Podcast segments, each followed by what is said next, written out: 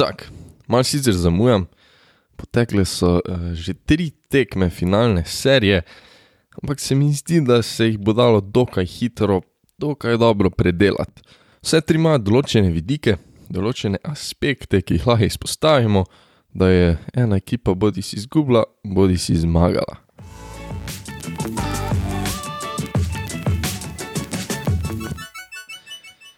Torej, Phoenix trenutno vodi z 2 proti 1 v dobljenih srečanjih. Odnesli so prvi dve domači tekmi, Milwaukee pa bo iz srede na četrtek, torej iz danes na jutri, tudi lovil drugo zmago na domačem parketu za izenačenje serije. Po treh tekmah lahko rečemo, da imajo Baxi gladko najboljšega košarkarja, ampak da je Phoenix kar precej bolj zaokrožena ekipa, no? da so eh, veliko, veliko bolj konstantni, pa da kratko malo igrajo lepši basket. To tudi meni dela malo probleme. Jaz si res želim, da bi Janis dobil prstan, ker mi je eh, na cel ljub, ampak tako lepega basketa, ko ga igrajo Sansi, že dolgo, dolgo nisem videl v ligi NBA.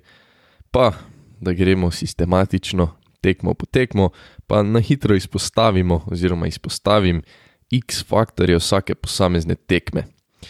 Prva tekma je bil Janisov bounce back, po poškodbi, vsi smo stiskali pesti, da bo lahko igral, in kar hitro, predvsem v tistem prvem polčasu, se je pokazalo, da ne na psihi, ne na telesu tista poškodba, hiperekstenzija kolena, ni pusla prevelikih posledic. Čeprav se je pol videlo, tako po minutaži, kot po določenih potezah, da še ni čisto zdrav, je obet serije postal veliko, veliko boljši. Je pa v tretji četrtini Antetakum podal cajt sedel, kar je Phoenixu omogočilo en tak airbag prednosti, ki so jo pol do konca tekme kar simpli kontrolirali. Večji problem kot v Janisu je bila agresivnost pa taktična zasnova tekme. Košarkari Milwaukee so zgledali anemični, niso tako trdno ali pa močno nastopili, predvsem v obrambi.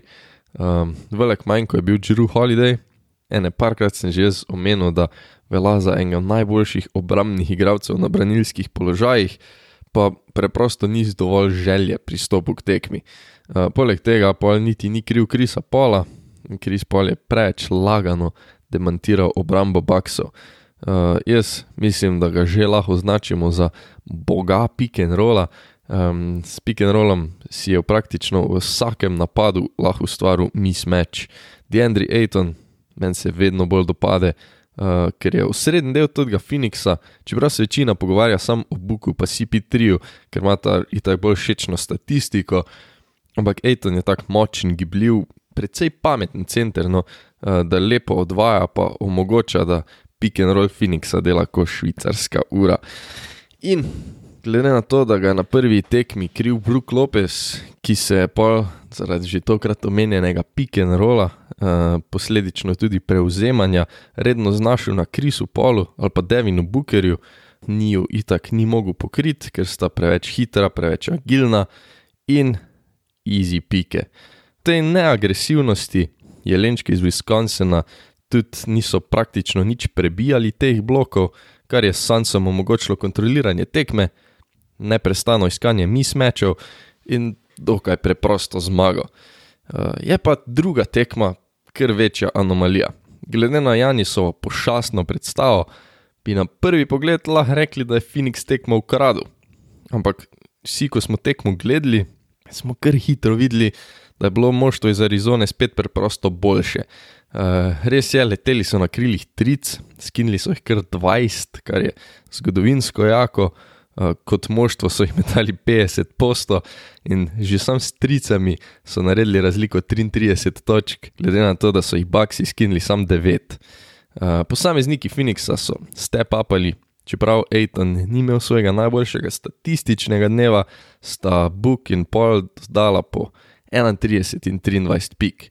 Pol noro presenečenje je predstavljal Mikel Bridges, obrambni specialist, ki je dodal 27 pik, tudi Crowder pa jih je dal 11, kar je precejšnje izboljšanje, glede na to, da na prvi tekmi ni dal koša iz igre.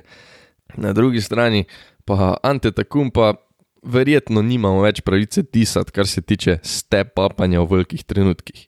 42 točk, 12 skokov, 4 asistence, obrambna dominanca. Edini igralec svojega moštva, ki je imel pozitiven plus-minus, preostalih, predvsem zvezdnikov, ne, pa v napadalnem smislu na tekmi ni bilo. Čeprav je kot celotno moštvo, predvsem z Džurujem Holidayem na čelu, odigralo veliko, veliko bolj agresivno v obrambi, sta Holiday in Chris Middleton skupaj dala 28 točk, iz igre metala 32 posto, Middleton pa ni imel niti enega prostega meta. Katastrofa. Phoenix je sicer Janisove napade uspešno odbil zgoraj zadetih tric, ampak ob taki dominaciji niti te trice ne bi bile dovolj, če bi se kero od ostalih dveh glavnih orožij Jelenčkov prikazalo. In prikazala sta se na tretji tekmi. Janis je sicer še enkrat ubil z 41 pikami in 13 skoki, Middleton in Drew pa sta dodala po 18 in 21 točk, Drew še 9 asistenc. Milwaukee je na tretji tekmi igral, nastopili so obrambno in agresivno, pa posledično pobrali kar velik skokov v napadu, zaradi česa so si pripravili veliko, veliko več priložnosti, oziroma imeli so več napadov kot Sansi.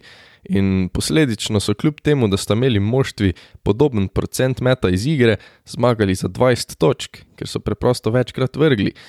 Žoga je šla, asistence so letele, igra je bila lepa. Janis je dominiral in iskal tekajoče soigralce ob stranski črti pod košem. Dalcajta je igral tudi na centerskem položaju, kar je pripomoglo k izjemno omejeni minutaži Deandreja Aitona, ki je začel sicer noro dobro, na začetku je res dominiral, na koncu je igral le 24 minut zaradi težav z osebnimi napakami. Aitona so na tak način neutralizirali, Booker pa preprosto ni imel svojega dneva, drugi polcajt je večinoma počival dan pa je končal z 21 odstotno uspešnostjo iz igre. In takim je tekma šla izpod nadzora, Baksi pa so jo, podobno kot Phoenix, prvi dve mirno odpeljali do konca. Obojni so pokazali veliko, a čeprav je po prvih dveh srečanjih serije zgledalo, da ima Phoenix vse vajeti v svojih rokah, je tretja tekma prikazala potencial pa kvaliteto, ki jo Baksi zaradi neznanih razlogov prevečkrat pustijo doma. Videli smo tako prednosti kot slabosti obeh moštev. Phoenix igra pametno, počasi, izbirajo trenutke in kažejo konstantnost, medtem ko je Milwaukee velikrat moštvo trde obrambe in učinkovitih protinapadov. Kljub dobrim predstavam Phoenixovega dvojca oziroma trojca je Greek Freak dokazal, da je najboljši igralec finalne serije in Sansi zanj nimajo glih pravega odgovora. Več kot očitno pa bo potreboval vsaj enega Robina svojemu Batmanu. Vsaj zaenkrat pa se Robina nista redno kazala v dobri luči, eh, zato pa ima Paul Phoenix zgoro kvalitete. Mogoče celo Avengers, ki jih vodi en najboljših organizatorjev igre vseh cajtov. Kdo bo torej koga? Preudarna konstantnost ali eksplozivna dominanca?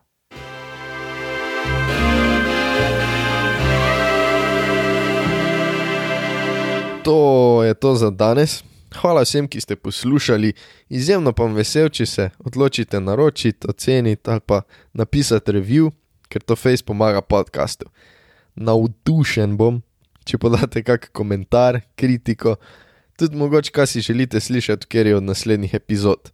Najbolj pa vam vesel, če se odločite priporočiti prijateljem, ker vsaj v mojih očeh to pomeni, da vam je res od srca všeč. Se čujemo naslednji teden. Hej det!